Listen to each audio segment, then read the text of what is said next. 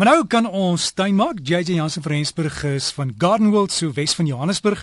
En ek weet iemand het gesê ek moet vra oor hulle dahlias wat wat te lank word en omval en of iemand nou al kan saadjies begin plant of goed insit vir die winter. Kom ons hoor wat sê JJ en JJ ek weet jy was in die Laagveld. Jy het dit geniet daar, het jy? Ja nee, definitief Derek, goeiemôre. Dit was baie baie lekker geweest. Weet jy, en dit is ongelooflik om deur die laafveld te ry en alles om jou is net groen, jy weet. Dit is so lekker. Ek sê vir 'n man toe my hierdie week bel terwyl ek daar is, sy vra my hoe lyk dit daar? Toe sê ek man, jou hart klop sommer choklet, want dit is sommer net pragtig. Ja, jy sê ek het natuurlik al die bome wat in blom is, maak ja. dit ook definitief die moeite werd. Ja, ek weet die Buchinia is so op die oomblik pragtig in blom. Dit is nou natuurlik daai pers en daai pink pink blomme wat omtrent so op bome wat omtrent so 3 meter hoog groei, 4 meter hoog groei. Die Afrikaanse vlambome is ook baie mooi in blom en dan natuurlik die kapokbome met daai pragtige pink orgidee tipe blomme. Hulle is ook nou vol in blom. So dit is so lekker om deur te ry en jy sien net hierdie bosse bosse kleur wat oral uit die bosse uitkom. JJ die kapokboom, uh, is daar 'n verskil tussen die die manlike en die vroulike blomme of, of bome?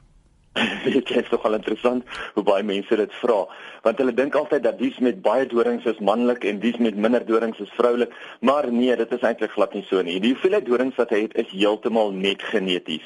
Gewoonlik kan jy dit kry dat jy 'n manlik en 'n vroulike boom kyk hulle is tweeslagtig op elke plant is tweeslagtig so is manlik en vroulik op dieselfde plant maar jy kan vind dat party bome het geen dorings nie en ander het weer verskriklik baie dorings en dit is heeltemal net geneties. Dit kan hom glad nie wys nie. So nee hulle is tweeslagtig. En dan die dahlias wat omval JJ Dahlias kyk, meeste mense maak natuurlik die fout om die dahlias te vroeg al te stit.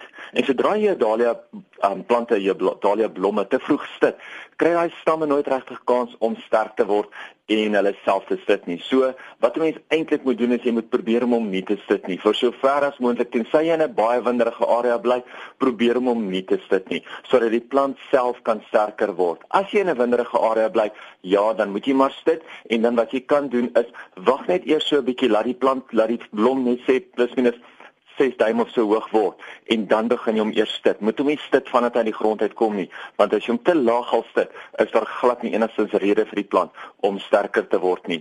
Jy het ook gepraat van die wintersaailinge wat die mense nou wil saai en dis nog hopeloos te vroeg daarvoor. As jy dit nou al gaan saai, gaan jy definitief nie sukses hê nie. Jy gaan sukkel met hitteprobleme, jy gaan sukkel met fungusprobleme. Dit gaan net nie nou werk nie. Wag eers 'n bietjie daarmee, plus eens 'n maand, 2 maande in die warmer areas, laat dit nog lekker afkoel voordat jy daai saad saai. Ek sê altyd kyk altyd na jou gesiggies, plant jou gesiggies eers aan die einde van Maart van saadvorm af en van die einde April af in plantjie vorm. Dan weet jy dat jy dit op die regte tyd doen en jy doen dit nie te vroeg nie. Ander dinge Ander dinge skies JJ. Daar is natuurlik twee hoofprobleme waarmee ons sukkel en die eerste is natuurlik kleigrond en die tweede is natuurlik fungusse. Nou baie mense het kleigrond en wil weet wat gaan wat kan gedoen word om van die kleigrond ontslae te raak. En wat ons moet onthou is dat die kleigrond definitief die oorheersende faktor is. En wat jy doen is gewoonlik net 'n druppel en emmer. Jy weet jy krap ook maar net hier bo langs en jy probeer om hierdie kleigrond reg te maak. Ja, 'n mens kan riviersand en kompos inwerk, maar onthou landboukalk is omtrent die belangrikste. Wat jy nou wel moet doen is om die kompos riviersand mengsel ongeveer 400 ml diep in te werk. En hier kan 'n mens teen omtrent 'n halwe krywal per vierkante meter werk. So, wat is 400 ml? Dis so net bietjie dieper as 'n gras se diepte of net bietjie dieper as 'n vrug se diepte. En dan natuurlik die landboukalf wat ons kan bygooi, kan 'n mens enigiets van 100 gram tot 500 gram per vierkante meter inwerk. En ek weet die boere werk baie maklik 500 gram per vierkante meter in as hulle in hulle landerye wil ploeg en regmaak. So 100 gram is omtrent so 'n halwe koppie vol, 500 gram omtrent so 2 en 'n halwe koppies vol landboukalk. Gelukkig is landboukalk ook baie goed vir die grond. Hy maak hom effens soeter en natuurlik is hy nie baie duur nie. So mense kan maar gerus landboukalk inwerk. Die tweede probleem is natuurlik fungusse. Nou ongelukkig met die reën en hitte kry mense baie fungusse want dit is nou gunstige toestande. Nou vra mense maar waar kom die fungusse vandaan? Onthou, fungusse word oorgedra met spore hy word versprei deur spore. En spore is verskriklik lig en baie klein en dit word sommer net oorgewaai met die wind. En sodra daai spore erns val waar dit vogtig is, waar dit lekker warm is, dan gaan daai spore kan ontwikkel en sommer binne 'n japtap sukkel jy met 'n fungusprobleem aan jou kant. Nou kom die mense uit met al hulle verskillende boererate en jy moenie nou na hulle luister nie want ek hoor party mense sê man jy spuit sommer 'n bietjie parafin op jou plante Ander sê weer jy spuit brandspiritus en dan is dit weer skottelgoedseep. Bly eerder weg van al daai boererate af. Wat mense nie altyd aan dink nie, is die skade wat jy eintlik aan doen aan jou plante, jou grond en natuurlik jou ondergrondse mikrobes.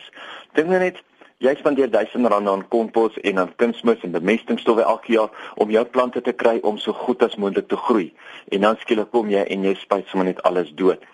Wat ek en jy nie altyd weet nie, is die hoeveelheid toetse wat hulle doen op die verskillende fungusdoders. Wat hulle doen is hulle kyk wat is die minste minste minste fungusdoder wat hulle eintlik of aktiewe bestanddeel wat hulle eintlik kan inmeng sodat daai fungusdoder aktief is en ook laat hy nie 'n nadelige uitwerking op die natuur en op die grond het nie. So gaan kyk eerder kry eers jy die regte fungusdoder om te gebruik. Ek meen, hier praat ek nou van goed soos Funginex, ek praat van Oreus, ek praat van Mycogard en Funginil is baie goeie voorbeelde van fungusdoders wat mense al kan wat mense kan gebruik, maar hulle het al jare en jare hulle self al oorbewys om te wys dat hulle wel gaan werk en onthou baie van hulle gaan ook seker maak dat hy ook daai spoortjies in die grond doodmaak dat hy nie weer kan ontwikkel nie. As dit jy mens met pas op as jy chemikalie gebruik, maar altyd die aanwysings volg en versigtig wees, né? Nee? Jy moet altyd versigtig wees, jy moet altyd die aanwysings volg. En weet jy, ek kry dit so gereeld dat mense sê hulle gooi die die, die regte hoeveelheid by en dan gooi hulle nog so klein bietjie by vir liefde. Mens moet dit nie doen nie. Gebruik net die hoeveelheid wat daar so aangewys word sodat jy net daai vingers se doodmaak en laat jy nie enigstens of wat ook al jy wil doodmaak, laat daar nie enigstens ekstra chemikalieë in die grond agterbly nie. Mens wil nie te veel spuit nie. Onthou hulle het hom getoets. Hy is bewys dat hy op daai sterkte gaan werk. So moenie hom sommer nou net skielik verdubbel net omdat jy dit wil doen nie. Hou hom net by daai by daai sterkte. As jy jy mense wat jy wil kontak e-pos Dit is eintlik makliker dis om my te bel. Ek kry geweldig rond, so hulle kan my bel. Hulle kan vir my e-pos stuur as hulle nie haastig is vir antwoord nie. Ehm um, maar andersins skakel ons by die kry kry my telefoonnommer. Maar kyk op ons web, op ons webtuiste is natuurlik al ons kontakbesonderhede en ook ek antwoord graag die vrae op Facebook. So as die mense vir my vra wil stuur op Facebook, sal ek dit vir hulle daar ook antwoord. Baie keer sien 'n mens vra wat ander mense vra wat mense eintlik baie keer te skaam is om te vra of nie weet hoe om dit te stel nie en dan sien jy sommer iemand anders het dit gevra dan kan jy sommer sien wat het hulle geantwoord. So JJ JJ Jansen van Rensburg van Garden World. Sy daai nommers moet gesoek onthou hulle is in die telefoongids Garden World is in Johannesburg of die Gauteng area en dis gardenworld.co.za of JJ se uh, soek kontak hulle net en hulle sal vir jou sê waar jy hom kan kry. Garden World.co.za